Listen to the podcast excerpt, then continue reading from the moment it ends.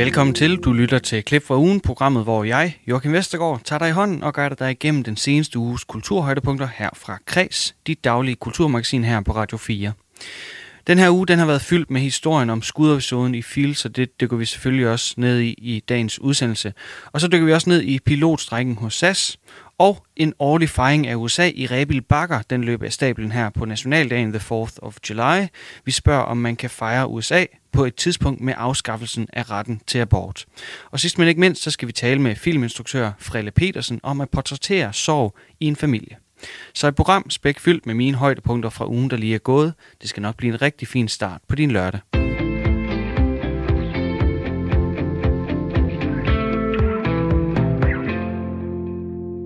Medier er begyndt at lukke kommentarspor på Facebook-opslag om skudepisoden i Fields fra i søndags.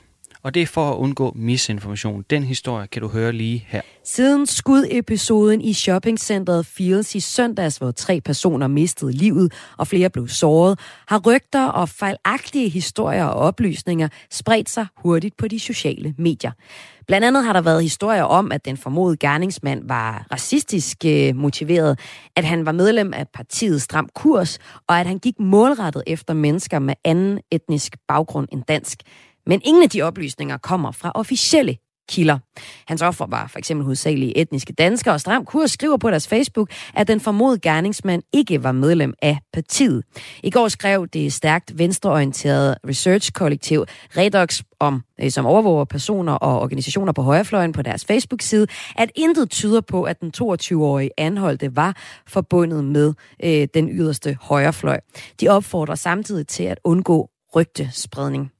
Netop for at undgå spredning af misinformation og ubekræftede oplysninger, har en række medier, som f.eks. Kristelig Dagblad, DR, TV2, Berlingske, Jyllandsposten, valgt at lukke for kommentarsporene på flere Facebook-opslag om hændelsen.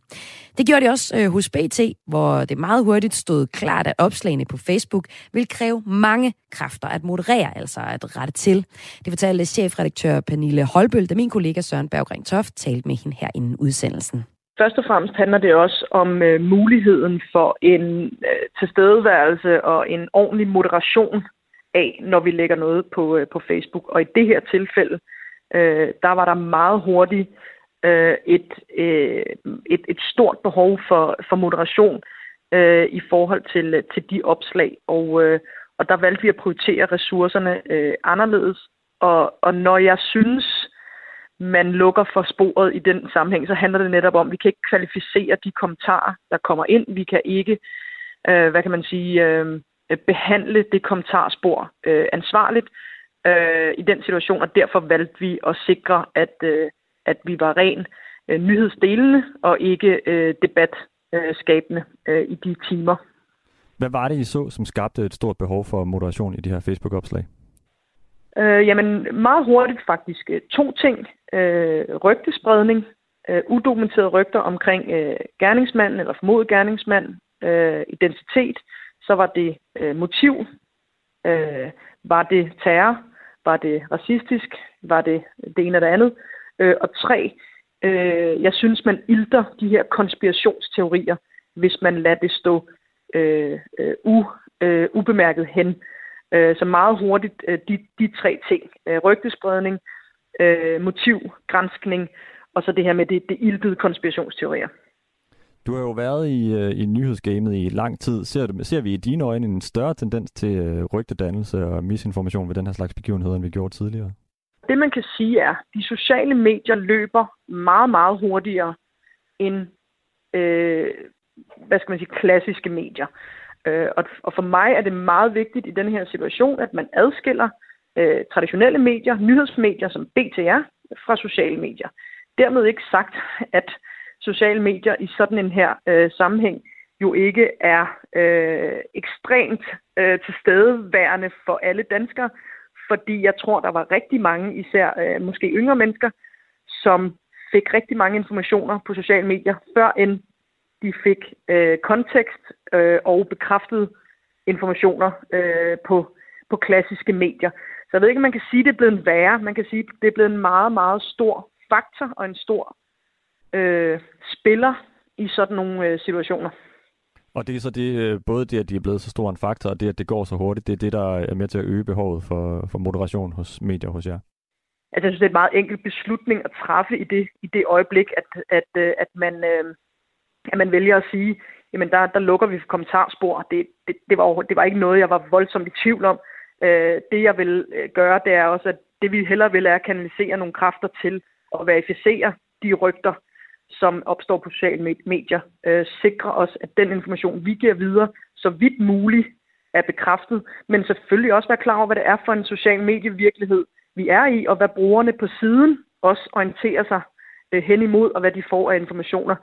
Så, øh, så jeg synes sådan set, at den, den, den er meget enkel øh, i den situation at lukke for et kommentarspor sag altså BT's chefredaktør Pernille Holbøl om baggrunden for at lukke for kommentarsporene på deres Facebook-opslag om skudepisoden i shoppingcenteret Fields i søndags.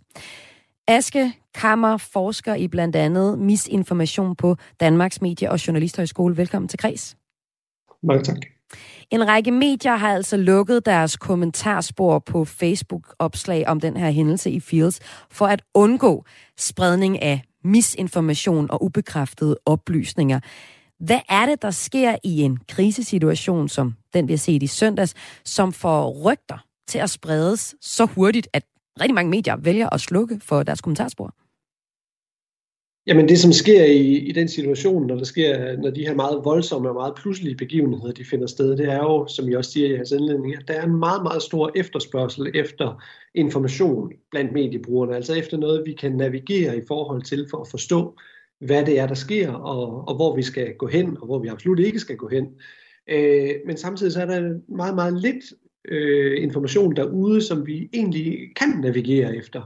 Øh, og der kan man jo godt forestille sig, eller der er det nemt at forestille sig i den situation, at folk, der lige har hørt et eller andet, deler det videre for at hvad skal man sige, bidrage til den samtale, der er, eller for at være del af det, eller de har hørt et eller andet, som de godt vil dele videre.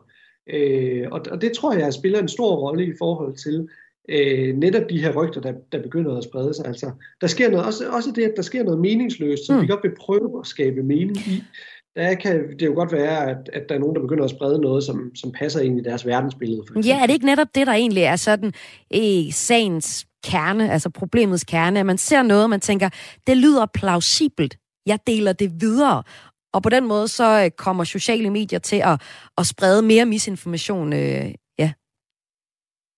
Jo, altså det øh, er der jo noget forskning, der, der tyder på i hvert mm. fald, at, at den information, som, som bekræfter det verdensbillede, vi har, eller den måde, vi ser det på, øh, det er noget, som, som vi også er mere tilbøjelige til mm. at stole på, og dermed også til at dele. Og der kan de sociale medier jo fungere som sådan en form for øh, forstærker, eller hvad vi nu skal kalde det, altså hvor, hvor de ting, som vi måske for, for et par årtier siden bare ville have talt med naboen om hen over hækken, det kan nå bredere ud, og det kan komme i kontakt med mange flere øh, på de sociale medier, end, end de ville kunne andre steder.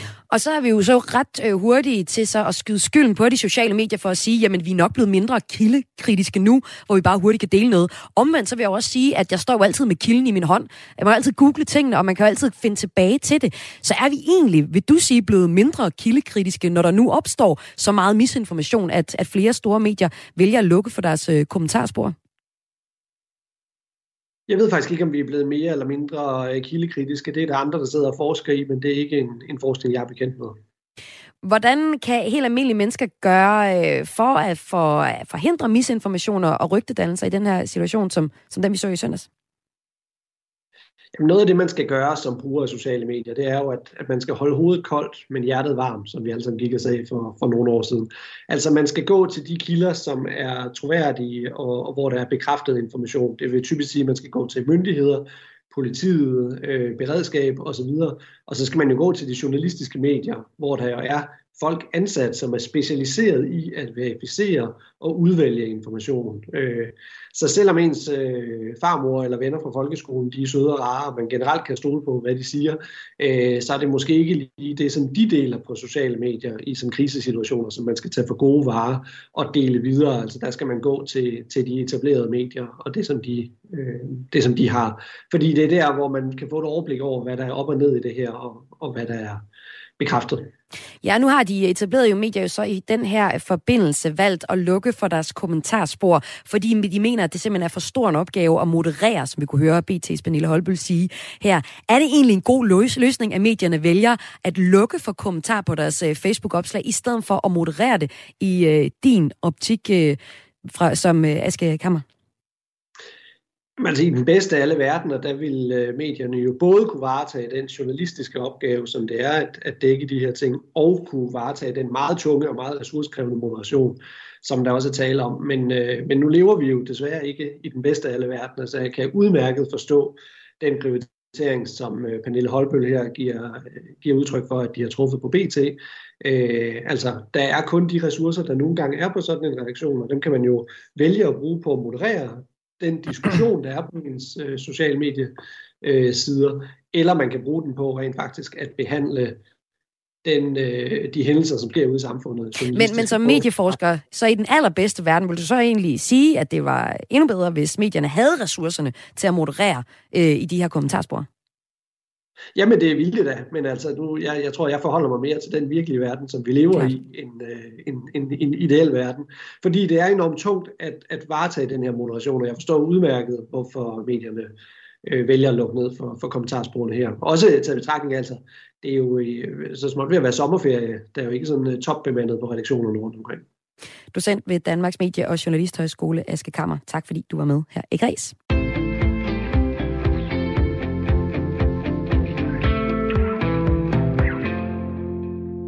Du lytter til klip fra ugen med highlights fra den seneste uge i Radio 4's daglige kulturprogram Kreds. SAS-piloter, de strækker, og flyselskabet står midt i deres største krise og har ansøgt om konkursbeskyttelse. SAS det har jo altid været for overklassen og de forretningsrejste, men nu står de over for en ny udfordring. Folk de vil ikke have luksus længere, og de bruger Teams-møder i stedet for at flyve. Det er gået op, og det er gået ned for SAS siden de blev grundlagt i 1946 som et samarbejde mellem de nationale flyselskaber med de, øh, fra de tre skandinaviske lande. Men lige nu er de i en ekstra stor krise. Faktisk den største krise, de nogensinde har været i. SAS har været en del af Danmark-historien de sidste 100 år, hvor man politisk har prioriteret at holde selskabet flyvende. Men i går meldte 1000 SAS-piloter ud, at de strækker, og her til morgen har SAS ansøgt domstolen i USA om konkursbeskyttelse. Forfatter til bogen Danmarks flyvehistorie og pilot, Ole Sten Hansen, velkommen til. Mange tak. Du har fulgt SAS i mange år. Hvorfor er den her krise større end nogensinde for flyselskabet? Det er jo en krise, der bygger oven på andre kriser, der har været. Øh, det, det går jo helt tilbage til øh, 93, hvor at SAS mistede sin monopolstilling i dansk luftfart. Og øh, der er konkurrencen bare blevet hårdere og hårdere og hårdere. Andre er gået falit og gået ned. SAS er blevet holdt flyvende ved øh, en række tilfælde, hvor de har fået statsstøtte. Øh, og, og nu er, er vi bare et skridt længere ned ad den bakke, kan vi sige, hvor det er blevet hårdere og hårdere, priserne er blevet lavere og lavere, øh, og det bliver sværere og sværere at konkurrere. Ja, så peger du så også på, at SAS øh, på den anden side også har været for overklassen og for de øh, forretningsrejsende, hvis vi kigger på SAS' historie, den skal vi kigge nærmere på lige om lidt. Øh, men alt det her med, med luksus, det er ikke så inden længere, og så øh, er der også Teams-møderne, der faktisk udfordrer dem. Hvordan det? Jo, SAS har jo bygget øh, i, altså på forretningsrejsende. Og det har været et luksusselskab. Det har det været, og jo længere du går tilbage, jo mere luksus, så er det blevet mindre og mindre, øh, svarende også til levestandarden for almindelige mennesker af stedet, så de har fået råd til at flyve. Men flere og flere forretningsfolk, også før coronakrisen, var jo begyndt også at kigge efter, jamen vi kan da godt spare firmaet for 2-3.000 kroner, når vi flyver til England hver uge, øh, ved at tage Ryanair for eksempel. Øh, og, og så har du... Øhm, øh, øh, øh,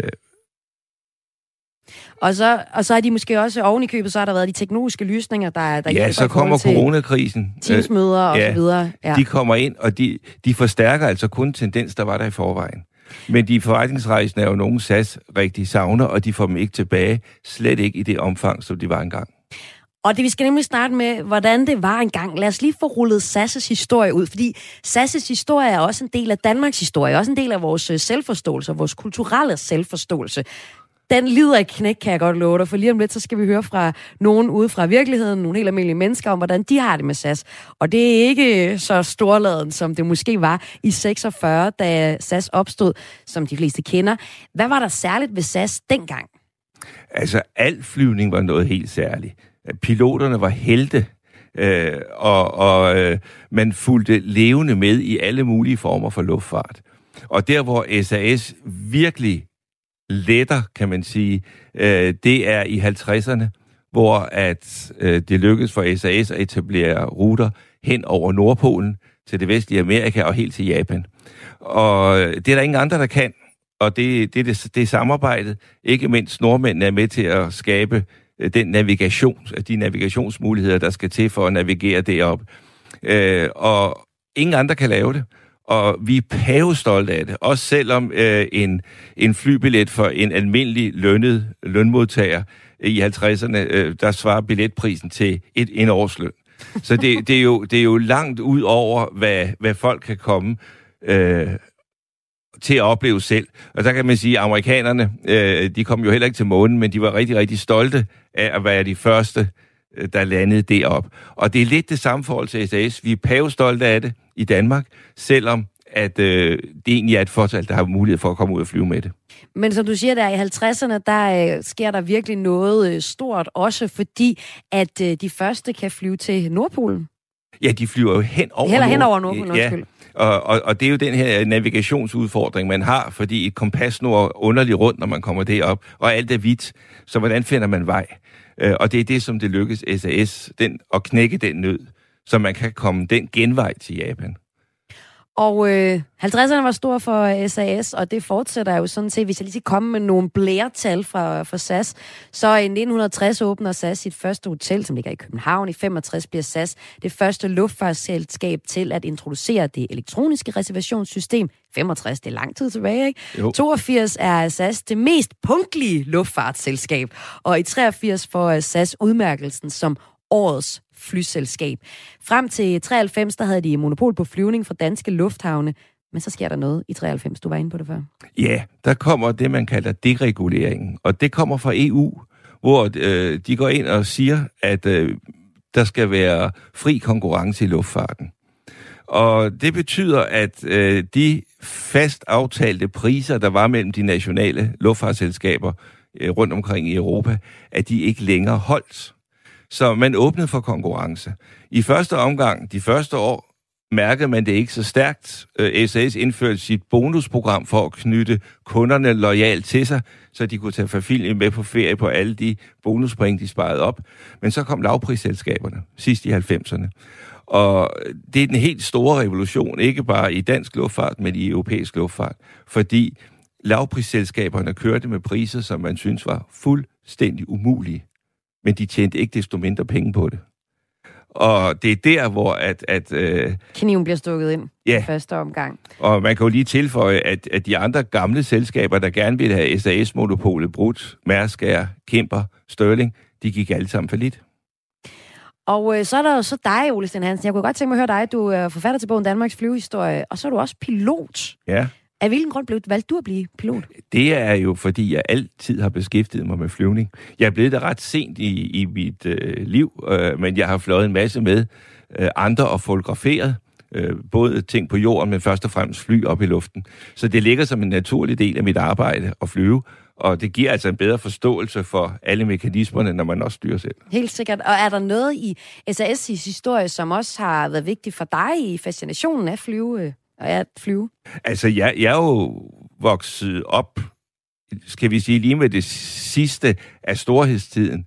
Øh, og SAS har der været noget særligt. Ikke at jeg som ung nogensinde forestiller mig, at jeg skulle få råd til flybilletterne. Det ville jeg heller ikke have med de lønninger, jeg havde. Øh, men øh, SAS er jo en del af vores historie, og, og det er et selskab, som har været med til at placere øh, Danmark på, på verdenskortet øh, inden for, for flybranchen, kan man sige. Og så når vi så op til øh, i dag, og situationen for SAS i dag, altså lige nu så er der 1000 piloter, der strækker. SAS har ansøgt om konkursbeskyttelse. Det er anslået, at strækken kan komme til at påvirke op mod 250 daglige flyafgange i Danmark, og det vil få betydning op for øh, 30.000 passagerer i Danmark, Sverige og Norge. Jeg kan se på Facebook, der er masser, der brokker sig og ærger sig. Min kollega Esben Lund, han har mødt nogle af danskerne og øh, på en, en lidt blæsende gågade i Aarhus og spurgt dem om deres tanker om SAS lige nu. De havde meget blandet forhold til flyselskabet. Prøv at høre her. Hvad er det første, du tænker på, når jeg siger ordet SAS? Jamen, så tænker jeg på det nordiske, på det nationale. Det vi, vi er en del af som danskere. Så en god ting? Bortset fra den sidste udvikling selvfølgelig, men ellers, ja, stabil. Forretningsmæssigt er det jo på toppen. Synes du, det er vigtigt, at vi har et nationalt øh, luftfartsselskab? Vigtigt og vigtigt. Ja, jeg tror, det er godt. Det tror jeg. Helt sikkert. Det øh, viser os jo rundt globalt. Så øh, det gør man på så mange måder, men det gør man også med SAS. Så ved man, hvor det kommer fra. Danmark bliver lidt mere voksen. Lige for tiden så er det strække. Arbejdsnedlæggelser. Manglende flyafgange. Ledere, der er lidt for magtfuldkommende. Hvorfor det? Jamen, de går ud og siger, at vi har givet os, vi har givet os, vi har givet os. Så hører man den modsatte side. Det har de også. Der må være en eller anden, der taler forkert. Hvad, hvad forbinder du øh, ellers sådan, øh, SAS med sådan mere generelt? Danske overenskomster. Øh, ordentlighed. Er det noget, der er vigtigt for dig, at vi har et luftselskab, hvor at der er ordentlige lønninger og overenskomster? Ja. Hvorfor det? Hvorfor det? Kunne vi ikke bare flyve med nogle udlandske flyselskaber? Mm, det kan vi godt, men så mister vi bare nogle arbejdspladser. Jeg vil også gerne have en ordentlig løn. Så det, det jeg, jeg er helt med på, at det koster. Jeg er glad for, at det ikke er SAS. Vi skal ud og rejse med, når vi skal ud og rejse her i sommer. Hvorfor det? Ja, fordi så var vi nok ikke kommet afsted. Og jeg synes simpelthen, det er øv. Især oven på coronaen. Jeg synes, det er så synd, alle dem, der står og har glædet sig i flere år nu. Hvad forbinder du ellers SAS med, udover lige nu? Jamen, vi har rejst med SAS mange gange, og har aldrig haft noget at klage over. Jamen, for mig der forbinder det bare med ligegyldighed lige nu. Og hvad med sådan uh, mere generelt, hvis vi ikke snakker lige nu, hvor der er, de har ansøgt om konkursbeskyttelse, og piloterne strækker. Hvad, hvad forbinder du så ellers SAS med? Jamen, øh, det eneste, det jeg egentlig tænker, når jeg sådan tænker på SAS, så er det egentlig bare fiasko. Jeg synes faktisk, det er ærgerligt, alt det, de byder alle andre. Og så synes jeg, at øh, de skal have lov til at gå konkurs, og så give alle de små selskaber lidt plads. Og er, er det vigtigt for dig, at vi her i Danmark har vores øh, eget nationale øh, flyselskab? Nej. Jamen, fordi jeg tænker, at vi finder vores udbyder. Altså, vi søger jo på nettet og finder dem, der er billigst til vores eget behov og til vores egen prisklasse, så øh, vi plejer at finde ud af det alle sammen, tror jeg. Ja. Sådan lød det er altså fra nogle af danskerne, som min kollega mødte, da han var på gaden, en et blæsende gågade i Aarhus, for at høre om danskernes forhold til SAS. Det vi hører folk siger her, hvad tænker du, det er et udtryk for? Altså, du har to forskellige... Øh, den første og den sidste er meget markante. Den første er sådan lidt sentimental, national, hvis jeg må kalde det sådan. Det er nu godt at have det, vi ved, hvad det er. Og den sidste siger, det er lige meget. Øh, Jeg vil have nogle billige flybilletter. Det, det er groft sagt det, man kan sætte det op til. Og det er den sidste, af fremtiden. Fordi øh, det viser sig i praksis, at folk køber altså de billige flybilletter. Der er ikke nogen, eller der er ikke ret mange. Jeg gør faktisk selv, samtidig har jeg købt SAS-billetter frem for Ryanair, for at støtte det. Og så måske lagt 1000 eller 1500 kroner oveni at fløjet med SAS. Men de fleste går efter prisen. Og det er det, der er SAS' dilemma, og bliver måske nok det, der sænker selskabet på længere sigt. Jeg sænker selskabet. Hvad kan SAS rette op på nu i din optik? De, kan, de skal sælge øh, flyrejser, som de, hvor de ikke er væsentligt forskellige fra alle mulige andre selskaber. Det er de ikke mere. Øh, slet ikke, fordi der også begynder at komme udenlandske besætninger ind i kabinerne øh, i dele af, af SAS-strukturen. Øh, hvis de ikke er forskellige, så køber man bare det billigste. Og i det hele taget vil de fleste være gå efter prisen, og det vil sige, hvis SAS har højere lønninger end konkurrenterne, der flyver med de samme fly, så kan det ikke hænge sammen. Og så står vi vel også i en klimakrise oveni, så SAS, tror du, vi snakker om dem om 10 år? 20 år? Øh, ikke det SAS, vi kender i dag. Det tror jeg ikke overlever. Øh, om flyvningen gør, øh, det skal den nok gøre. Øh, der arbejdes meget på at, at forbedre, øh, hvad hedder det, øh, øh, klimaøkonomien i det, kan du sige. Og vi har jo mange andre ting, hvor vi sviner med ressourcerne. Så øh, det, det tror jeg nok skal, skal lade sig gøre. Men det er en meget international branche, og derfor er det svært at opretholde dansk lønniveau, når vi skal konkurrere med nogen, der har et meget lavere. Forfatter til bogen Danmarks flyvehistorie og pilot Ole Sten Hansen. Tak fordi du var med her i Græs i dag. Selv tak. Udover piloterne hos SAS strækker, så har flyselskabet her til morgen altså også indledt en ansøgning om konkursbeskyttelse. I går træk betyder det, at SAS har bedt en domstol om at sætte sig for bordenden i forhandlingerne med kreditorer i selskabet. Samtidig bliver selskabet beskyttet mod kreditorer, der kunne finde på at kræve at få sit tilgodehavende erklæret, øh, eller erklæret selskabet konkurs.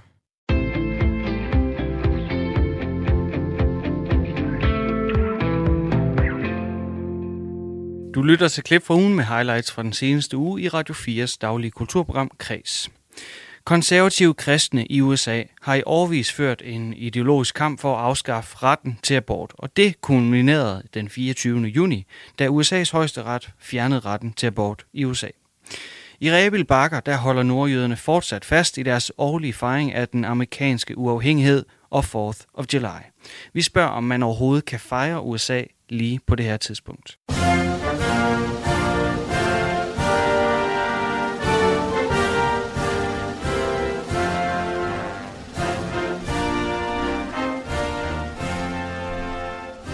Ja, The Star Spangled Banner er her en øh, national melodi, der i de her dage for de fleste nok har fået sig noget af en mislød. For efter at den amerikanske højeste ret den 24. juni afskaffede amerikanske kvinders ret til abort, så har der altså været stor fokus på USA. Men øh, mindst et sted i Danmark, der slår, slår det amerikanske flag altså i vinden i dag, det er nemlig i Rebil i Nordjylland. For i dag der er det jo den 4. juli, 4th of July, som er den amerikanske uafhængighedsdag. Og det markerer Rebil-selskabet, som er en dansk-amerikansk venskabsforening, som hvert år holder en stor fest i Rebil Bakker, og i år endda med et 110-års jubilæum. Og det betyder blandt andet musik med Jakob Dinesen, Dinesen og et øh, brassband og en lang række taler, samt en hilsen fra præsidenten. Men min kollega Mathias Wissing, han har talt med generalsekretær i øh, Rebilselskabet Helene Christensen om den her fejring af USA på det her tidspunkt. Helene Christensen, det er jo dig, der trækker i trådene til den her øh, amerikanske festdag i Himmerland. Øh, jeg bliver nødt til at spørge dig, har man som festarrangør haft en lidt spøjs mavefornemmelse omkring at fejre det her dansk-amerikanske venskab lige præcis i de her dage, når man tænker på den seneste udvikling i USA? Nej, egentlig ikke. Vi har fuld fokus på, at øh, det er en festdag, og det vi fejrer, det er venskabet mellem Danmark og, og USA. Øh, det vi har fokus på, det er demokrati, frihed og, øh, og venskabet. Og, og for os at se, der synes vi, at øh, det her amerikanske og danske venskab, det er mere relevant end nogensinde i forhold til, hvad der foregår ude i verden øh, Øh, hvad der foregår i Europa nu med Ukraine og Rusland.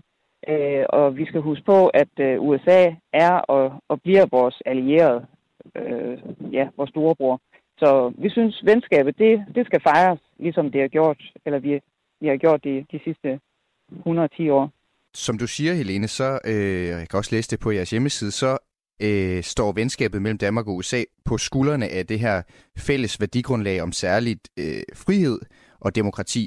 Øh, men når man nu altså så tænker på, på de ting, der er sket i USA for nylig, giver det så ikke mening at spørge, om man for enhver tid skal holde fast i det her venskab, du også kaldt det storebror, øh, lillebror-forhold, selvom en storebror nu måske øh, viser tendenser til at forandre sig til lidt en, en skidt på nogle punkter?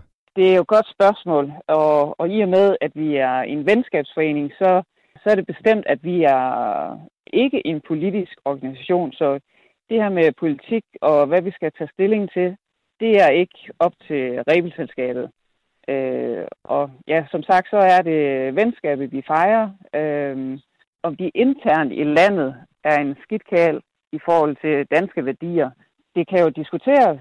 Øh, det kommer an på, hvem man spørger. Øh, lige nu spørger du så Rebelselskabet, og det kan jeg ikke som Rebelselskab svare på, i og med, at vi er en venskabsforening. Men kan man ikke sige, altså, at er det ikke ligesom også øh, det gode venner gør, det er at diskutere de øh, ting, der ligesom rører sig, eller det, man kan være uenig om, eller sådan, og så, så siger, tager man fat i sin gode kammerat, og så siger man, hey, er du okay, eller er du sikker på, at det her det, her, det, det er en retning, du har lyst til at gå i? Uh, kan man ikke sige, at det måske med den her ikke-politikvinkel misser en, en oplagt mulighed for konstruktiv debat, hvor man kan tale om tingene i ro og mag, øh, med nogen, der rigt, altså rent faktisk ved rigtig meget om emnet også? Det kan der være noget om, og øh, vi har jo også en god kontakt, øh, eller direkte kontakt ind til ambassaden i, i København, øh, som går videre til ja, regeringen i, i USA. Øh, så altså, hvad vi kan stå og måske viske i, i hjørnet i stedet. Øh, det er der måske nogen, der kan høre, men øh, det er ikke øh, dens øh, gennemslagskraft, øh, der kan slå igennem på det punkt. Som sagt, så er det øh, altså det her venskab, vi, vi fejrer, øh, baseret på, på de her danske udvandrere øh, og de her danske rødder, som man ønsker at holde i hævd. Øh, så det er det her venskab mellem dansk-amerikanere og til deres land, vi fejrer. Så I har, I har det store perspektiv på, altså den, den, det store historiske perspektiv på øh, her på den 4. juli? Ja, det må vi sige, hvor vi kigger de her 110 år tilbage og, og fejrer det. Og øh, i fremtiden, øh, så kan det være, at vi skal tage nogle andre briller på og kigge øh, lidt mere bredere ud øh, i forhold til relationen til fra Danmark, USA, øh, Europa, USA, det kan jo så være ofte diskussion øh, eller debat øh, i forhold til, hvad, hvad der skal gøres i fremtiden. Så det er nogle af de ting, der ligesom rører sig på de indre linjer i Rebelselskabet og se, hvordan man ligesom skal, skal afholde den her Rebelfesten, øh, hvor man jo fejrer uafhængighedserklæringen. Ja, lige præcis. Det er jo uh, tradition, at der kommer en uh, hilsen fra USA til den her fejring af uafhængighedsdagen. Øh, jeg har et klip med den øh, tidligere præsident Bill Clinton, som i 2012 sendte en video. I'm sorry I can't join you in person, but I'm thrilled to have the opportunity to welcome you to Rebuild's 100th anniversary July 4th celebration. More than a century ago, hundreds of thousands... Normalt så bliver de her øh, hilsner, så vidt jeg kan forstå på, der modtaget af et, et festglad oplagt publikum med klapsalver, og de sidder i Rebil Bakker, og det er dejligt og sommer i Danmark. Øh, men der er jo så til gengæld ingen tvivl om, at den seneste præsident, Donald Trump, han delte vandene på en helt anden måde herhjemme, øh, i hvert fald. Kunne det høres på klapsalverne, eller er sådan en festdag, som den I holder her med Rebelfesten, ligesom hævet over den slags øh, politisk skælden? Øh, det er svært at sige. Øh, de sidste par år, der har, ja, har det jo så, som alle ved, jo været corona, så det har ja, været nedskaleret. Der blev holdt noget sidste år. Der var det så en Charles de Fer. Øh, der var Carla Sands taget hjem. Øh, i, I 20, der var ja. der ingen rigtig fest. Og så i, i 19, der regnede det hele væk. så der, jeg tror måske, det var meget begrænset, hvad der var klapsaler der, og det var på grund af regnen. Men altså, jeg vil gerne fremhæve, da ja, Obama var, var på magten, og den kære Rufus Gifford, han var hernede i bakken og tale, og, og sendte os hilsen. Øh, der, altså, det var jo vild begejstring fra, fra publikum. Alle var jo vilde med ham. Han var meget populær, ja. Så er du heller ikke sagt for meget, kan man sige. Men øh, det, jeg kan også godt tænke mig at høre, altså i forlængelse af det her med, med Trump også, altså USA er jo på mange måder et ret ekstremt land, som, som virkelig også kan få følelserne i k herhjemme. Øh, den slags fører blandt andet til demonstrationer. Øh, jeg, jeg har set et klip fra det fra 1976, hvor øh, i Rebelfesten fejrede 200 år for uafhængighedserklæringen, den er jo fra 1776, hvor at den her teatertrup øh, Solvognen, de afbrød dronningen, dronningen hun kom og holdt en tale, men den afbrød Solvognen øh, for at gøre opmærksom på indfødte amerikaners rettigheder. Øh, det har jeg et lille, lille klip med, prøv at høre her. And keep alive the ties between the and keep alive the ties of friendship. This tasteful celebration of the American Day of Independence in a country far away.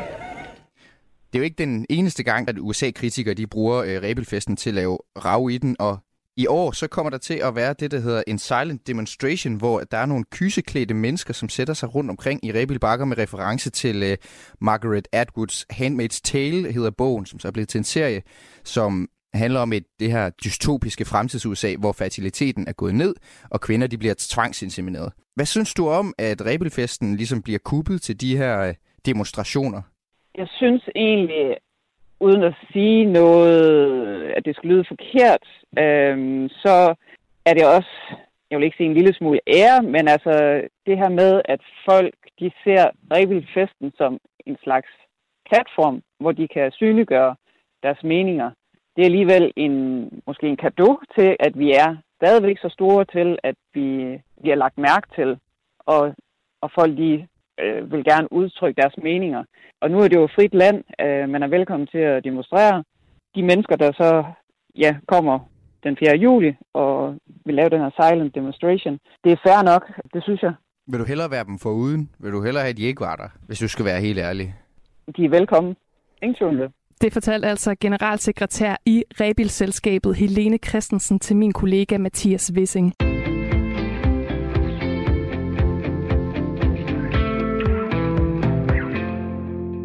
Resten af livet havde premiere i torsdags. Filmen den portrætterer sorgen i en sønderjysk familie, der mister deres ene voksne barn.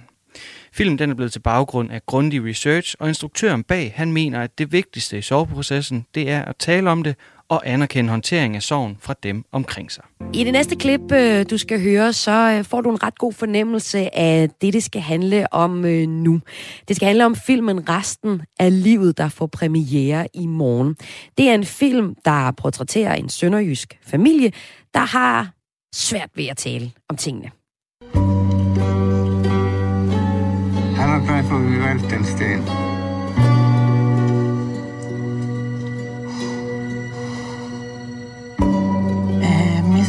Mistede min søn. Jeg har rigtig svært ved at snakke om det med nogen som helst. Og instruktøren bag øh, filmen, det er dig, Frelle Petersen. Velkommen til. Tak skal du have. Det er din anden film i det, du kalder en planlagt sønderjysk trilogi. Vi har øh, Onkel som den første, og øh, i den her, der gør du ligesom i den første, du skildrer du øh, det sønderjyske. Her er det en sønderjysk familie med øh, særlig fokus på det lokale liv og traditionerne. Der bliver spist rigtig meget kage i den her film. Absolut. I øh, resten af livet, der møder vi Egon og Maren, der øh, mister deres voksne søn, og øh, sammen med deres øh, voksne datter Line, skal finde ud af, hvordan man så finder tilbage til livet, og hvordan man snakker om det, eller ikke snakker om det. Filmen handler om, hvordan livet med et slag kan blive forandret for altid, og om, hvordan det påvirker det enkelte familiemedlemmer, og også hele familierelationen.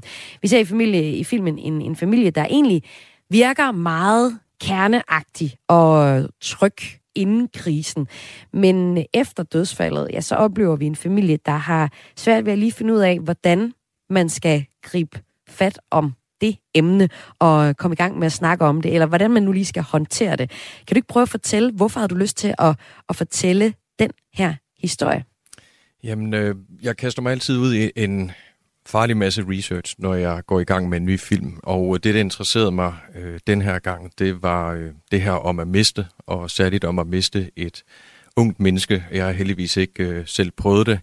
Øh, jeg har mistet min øh, skønne bedsteforældre, som jeg var meget tæt på, øh, men den form for sorg med at miste et ungt menneske, øh, det var noget, jeg var ligesom interesseret i at, at dykke ned i. Og øh, det gjorde jeg på en måde, hvor jeg øh, mødtes med mange familier, som har mistet øh, enten en, en datter, søn, bror eller søster.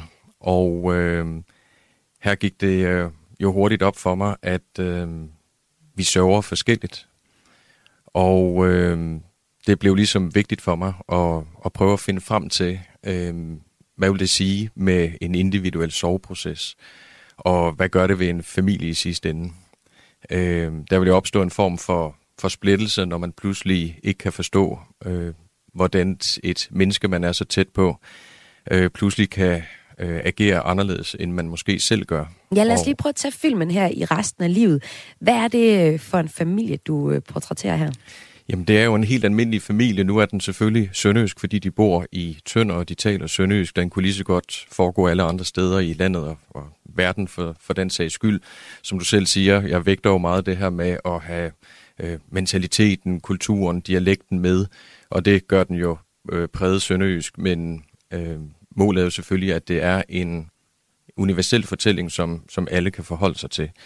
Øh, men for mig der er det jo vigtigt at dykke ned i det sønderjyske. Jeg kommer selv derfra, har boet der først i 21 år, nu har jeg boet 20 år her i Københavnsområdet, fordi jeg gerne vil lave film.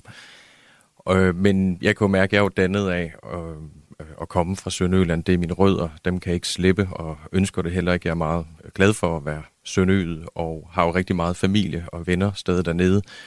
Øhm, og derfor så føler jeg jo et ansvar for at ligesom kunne, kunne fortælle historier fra den egen, jeg kommer fra. Og... Men når du gør det her i Sønderjylland, så øh, kommer du også på en måde til, eller det kommer du, for det, det er ligesom den måde, den bliver præsenteret på filmen, til at fortælle den sønderjyske sorg. Hvad har du gjort dig om tanker om det?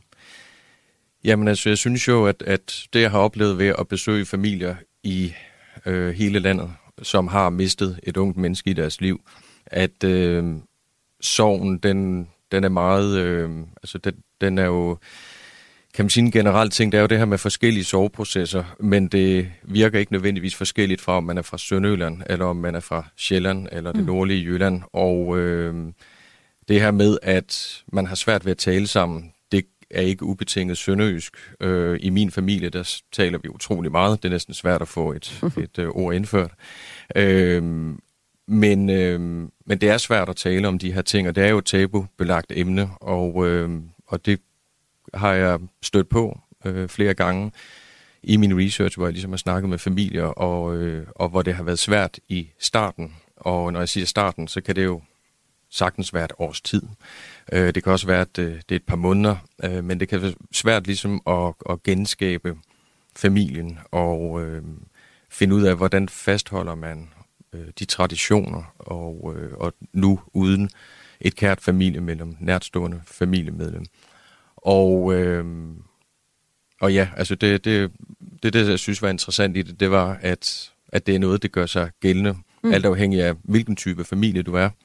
Øh, der er andre familier, der vil håndtere det anderledes end den her måske, øh, men jeg dykkede ligesom ned i, hvad jeg synes var interessant ud fra, hvem jeg mødte undervejs, og prøve at skabe nogle lidt forskellige portrætter af de enkelte karakterer, og mm. hvilken soveproces de ligesom øh, oplevede. Ja, vi har den her kernefamilie bestået af far, bestående af far og mor, og to børn, en dreng og en pige, og øh, vi, der er noget, der går igen i filmen, og det du sagde, at de spiser meget kage. Der er jo sådan et fødselsdagstema. De er, har fødselsdag på skift, og vi ser, hvordan de forskellige over, over soveprocessen øh, håndterer også det at være i den her fødselsdag. Den kommer til at, sådan at spille en, en, øh, være en rød tråd i, i filmen. Men hvis du skulle prøve at sætte nogle flere ord på, hvordan håndterer de forskellige medlemmer af familien så sorgen forskelligt? Jamen, først og fremmest så er der øh, faren Egon i fortællingen, og... Øh, han har rigtig meget brug for, at øh, man på en eller anden måde, måde holder sønnen i live. Øh, det ses ofte i, i en soveproces, det der med, at man har svært ved at erkende, at der er en, der er væk, så man gør alt for at, at mindes. Øh, Udover blot at være en, en søn, så er han jo også en arbejdskollega øh, for faren. De har en kaffebutik sammen, som de har drevet i nogle år. Øh, og øh, han isolerer sig på en måde for sig selv øh, med sin sorg, fordi at hans kone, Maren, hun har svært ved at snakke om det. Hun helst distancerer sig fra det, så han øh, bygger et lille øh, mausoleum eller et alter, kan mm. man nærmest sige, ude i et drivhus med en masse af søndens ting, efter de har tømt hans lejlighed. Ja, i den her scene i lejligheden, der er det meget tydeligt at se, hvordan øh, moren er sådan, øh, det er bare hans tøj, det skal bare smides ud, og faren er sådan, det skal gemmes, det kan vel være på øh, loftet, eller i kælderen, eller et eller andet sted. Det er helt tydeligt, at de deler sig, og så datteren er lidt mere moderatoren mellem de to, der prøver at få dem til at forene sig. Øh, og forene sig. Men, men hvilken rolle spiller hun egentlig i, øh, i filmen? Jamen, hun står jo i en uh, splittelse både i sit eget liv, men også mellem sine forældre. Hun fornemmer godt, at uh, hendes forældre ikke uh, taler uh, om det, og ikke får sat ord på, at de, de sørger simpelthen forskelligt. Så hun glemmer både sin egen sorg i det. Uh, oven i det, så uh, forsøger hun sammen med sin mand at blive gravid igennem fertilitetsbehandling. Og uh, det har hun pludselig svært ved at overskue, det her med at skulle skabe liv oven i at have mistet uh, sin bror. Mm. Så hun øh, kæmper med mange ting og føler selvfølgelig en stor splittelse, og øh, det er du mange, der, der kender til det her med, at lige pludselig, jamen, så må man bukke under. Øh, man kan simpelthen et, e, man kan ikke emotionelt klare øh, det store pres, der, der ligger på det, og slet ikke, hvis man ikke begynder at bearbejde sin, sin sorg og tage hensyn til sig selv. Øh, så på et tidspunkt, der knækker hun ligesom sammen, men heldigvis øh, er der jo så en af forældrene til at, at løfte op i hende. Ja, og Line, hende kunne jeg genkende, for hende har du også med i øh, den første film i den her sønderjyske trilogi. Den hedder Onkel fra 19, og der øh, møder vi så en, øh, en, en meget knapsigende jysk, øh, sønderjysk familie. Jeg tror, det er de første øh, 5-10 minutter af filmen, der bliver der ikke sagt nogen ord. Og det gør så også, det er også kendetegnende også for den her film, at der er mange længere scener, hvor vi egentlig lader, øh, lader billedet øh, fortælle, billedsiden fortælle mere, end, end hvad der måske egentlig bliver sagt med ord, selvom ordene også har stor betydning. Øhm, onkel, der havde du sådan et benspænd for dig selv, at, at du øh, ville kaste alle skuespillerne i en øh, 15 kvadratmeter, eller kilo, hvad det, kvadratkilometers radius omkring Tønder. De skulle ligesom have den helt rigtige øh, dialekt, altså sådan en helt lokal rigtige dialekt. I resten af livet, der har du droppet det benspænd med men du selv fra Åben Rå på sættet har I talt øh, masser af sønderjysk dialekt for at blive i det. Øh, resten af livet øh, portrætterer livet, som det udvikler sig hen over et år, og filmen er derfor også optaget i, i to perioder for at indfange årets og årstidernes gang. Øhm, Jette Søndergaard spiller hovedrollen som, som datteren Line til de her to forældre, Maren og Egon. Øhm, hvorfor synes du, at familier som de øh, sønderjyske er interessant at give et indblik i? Du var inde på, at, at det du selv, det er dit eget ophav, men er der noget derudover, der også er interessant for dig at undersøge? Jamen altså, jeg føler, det som sagt et ansvar som filmmager, at, øh, at jeg fortæller nogle historier, øh, både det, jeg har kendskab til, øh, men også, at, øh, at vi får fortalt øh, karakterportrætter og fortællinger fra, øh, fra andre dele af landet. Det gør mig selv glad, når jeg kan se, at der kommer en ny film, som enten foregår i Nordjylland og handler om fiskeri, Øhm, det er noget, jeg synes er spændende. Det er noget, jeg slet ikke kender til. Øh, det bliver sådan helt eksotisk for mig. Og øh, det her det er ligesom mit bidrag til filmkunsten også, at, øh, at man skaber sådan nogle portrætter. Og øh, så er jeg på hjemmebane. Jeg, øh, jeg kan tage rigtig mange ting med fra mit eget liv. Altså mit udgangspunkt det er altid at, at låne en masse ting. Jeg har selv stået i dyrehandel med min far øh, i vores butik, vi havde mm. i Åben Rå, øh, inden jeg blev filminstruktør. Og det er noget, jeg så har taget med. De står så i en kaffebutik, men der er jo mange ting i den far-søn-relation, som jeg kan tage med videre over i, i fortællingen og, øh, og lade mig inspirere af. Øhm, og sådan gør jeg det hele tiden, og også det her med at, snakke om, om kage. Øhm, det er jo generelt en label, vi får sat på os i Sønderjylland, at vi elsker kage og spiser meget kage, og det tænker jeg da også, vi gør. Øhm, og, øhm, og det, er det gør jo, i hvert fald i filmen. Jamen, det gør de i Men filmen. Men tænker du noget på at reproducere i... den, den forestilling om Sønderjylland? Hvorfor noget? Undskyld. Tænker du på, at du også er med til at forstærke den øh, forestilling, man har om Sønderjylland, hvis man ikke lige øh, kommer fra Sønderjylland? Øhm, jo, men det, det kan sagtens være, men altså, det er jo stadig øh, øh, lige præcis det her med kage, det handler jo om, om det sønderjyske kaffebord, mm. og det er jo noget, som vi sådan set også øh, stolt fortæller om. Mm. Det er jo mm. noget, som er en stor del af vores historie. Det stammer helt tilbage fra, da Sønderjylland blev besat i sin tid, og øh, man, øh, man fik øh, skabt de her forsamlingshuse, men der var ikke noget spiritusbevilling eller noget, så det man blev nødt til, det var at lave øh, noget kaffe og kage, kom sammen i forsamlingshusene, og øh, der er der opstået det sønderjyske kaffebord, fordi at at hver husstand kom ligesom med en kage, og så havde man en kæmpe udvalg, og så blev det ellers helt kaffe op, og, og alle skulle smage hinandens kager. Det var meget vigtigt. Mm-hmm. Og der jamen, så, så endte det jo med at blive, blive det sønderjyske kaffebord. Så der er jo noget, der er en stor del af både vores historie og blevet en tradition. Mm. Jeg er vokset op selv med sønderjysk kaffebord, og øh, øh, der er stadig rigtig mange kager på bordet, når vi mødes til fødselsdag. Og skal også sige, at de kager, der er bagt i filmen, de er alle sammen bagt af min egen mor. Ja. Fordi det er jo vigtigt, at øh, de ligesom skulle line hjemmebag, i stedet for at gå til guldbageren i Tønder, der ellers laver fremragende kager, jamen så kan enhver se, at øh, det er jo ikke hjemmebag. Så det er jo ligesom vigtigt for mig at, at øh, ja, have det her med. Det kan være nemlig se, at den ikke lige krummer på den rigtige måde. Lige præcis. det er nørderi. Det vi taler om her i Kulturmagasinet Kreds, det er filmen Resten af livet, som har premiere i morgen. Og med mig har jeg instruktør på filmen, Frelle Petersen. Og nu øh, nævner den her kaffebar, eller ikke kaffebutik er det, ikke kaffebar, kaffebutik øh, et par gange. Og lad os lige prøve at tage en scene fra den øh, butik. Der er nogle øh, faste lokale kunder i kaffebutikken, og de øh, kan ikke rigtig få sig selv til at prøve en ny kaffe Guatemala, for de plejer at få den fra Colombia. Det sædvanlige siger det, og det samme det gør, øh, det, det, vil, det vil faren Egon også sige. Hvad vil du gerne fortælle med den her scene? Jamen det er igen taget ud fra mit eget liv. Øh, da jeg stod i dyrehandel sammen med min far, der fik vi et, øh, et nyt øh, produkt ind, som var en, en øh, hundefoder af et andet mærke, end vi plejede at sælge. Og vi havde været på et lille kursus øh, på Hotel Scandic i Kolding øh, i det her hundefoder, og øh, jeg stod som ung mand og tænkte, det er jo noget, dyrlægerne anbefaler, og så øh, prøvede jeg ligesom at skubbe på. Man kunne ligesom mærke det der med, at vi kender det jo øh, fra os alle i hele verden, at vi kan jo godt lide øh, vaner, vi kan godt lide at, at købe det, vi plejer. Øh, jeg har det også på samme måde, hvis jeg går over og kigger på chipsehylden i Føtex, jamen, så griber jeg ofte 9 ud af 10 gange ud efter den samme pose. Øh, og nogle gange kan det være svært at rykke lidt på det her. Igen, det er ikke en kendetegnende ting for, for Sønderjyder. Jeg synes tit, jeg møder det her med, at man prøver at lede efter fordommen i, at øh, er det fordi, at øh, man ikke tør at prøve noget nyt i Sønderjylland. Det er slet ikke det, det handler om. Det er noget, det gør sig gældende for alle mennesker. Jeg står på Frederiksberg i Føtex og og vælger den samme pose chips, som sagt, øh, 9 ud af 10 gange. Øh, her der tog jeg den så med, fordi jeg synes, det var sjovt, at jeg selv har stået og prøvet og skubbet på, og kunne ikke forstå, hvorfor jeg ikke kunne få folk til at købe den her nye, helt fantastiske mm. hundefoder. Øh, men med tiden så lykkedes det jo, at så kommer der også mere salg i, i netop den. Ja, og de her uh, traditioner, de gør sig jo gældende for os alle sammen, som du siger, og trygheden i det, og den er måske også, den tryghed er måske også særlig vigtig. Det er særlig vigtigt, at at ligesom du siger, at kagen er hjemmebag, men at det er faktisk særlig vigtigt, i også i en soveperiode, som er det, filmen øh, handler på, og også den måde, som, som øh, sorgen bliver håndteret på. Er det, jeg kan godt lidt få en fornemmelse af, at, at sorgen også bliver håndteret på sådan en lidt en, øh, en gammeldags, lidt sådan tøvende måde. Øhm, er der det, er, er, er det en kommentar på den måde, vi, vi, vi forholder os til vores, vores sorg på i Danmark?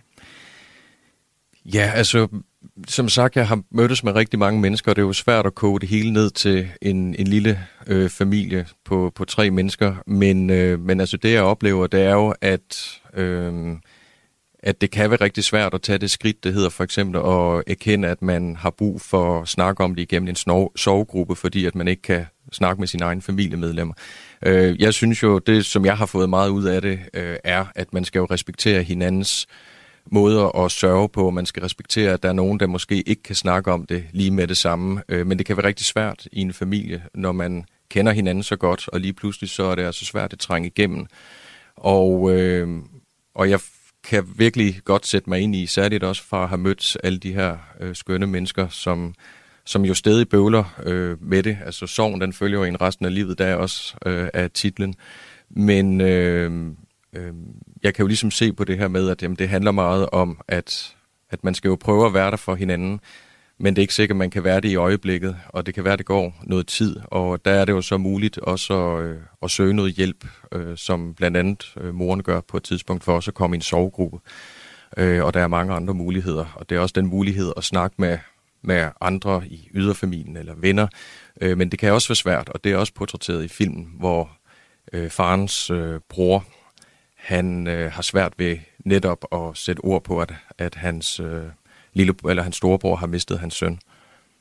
Så hovedbudskabet er at, at vise, at man skal anerkende sin egen sorg og også andres sorg, og så faktisk også tale lidt om tingene. Tusind tak, fordi du var med her, Frille Petersen. Selv tak og Frelle Petersen er altså filminstruktør og er det på filmen Resten af livet, der får dansk premiere i morgen, og er den anden ud af den her sønderjysk trilogi. Den første, den hedder Onkel, og hvis du godt kunne tænke dig at se den, så kan du finde den på bibliotekernes øh, streamingtjeneste. Den hedder filmstriben.dk, og der kan du logge ind med dit øh, biblioteks login, og så kan du simpelthen se filmen gratis.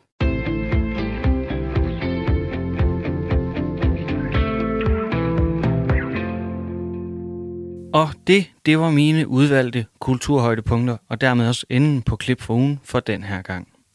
Gå nu lige ind og find programmerne, så kan du høre dem i fuld længde. Det kommer du ikke til at fortryde, det garanterer jeg. De kan findes i din lokale podcastbutik eller på radio4.dk. Du kan også høre det live i næste uge, hvor Kreds vi sender fra mandag til torsdag på Radio 4 mellem kl. 14 og kl. 15. Du har lyttet til klip fra kulturprogrammet Kreds her på Radio 4. Mit navn det er Joachim Vestergaard. Vi lyttes ved i næste uge Samme tid, samme sted. Tak fordi du lyttede med.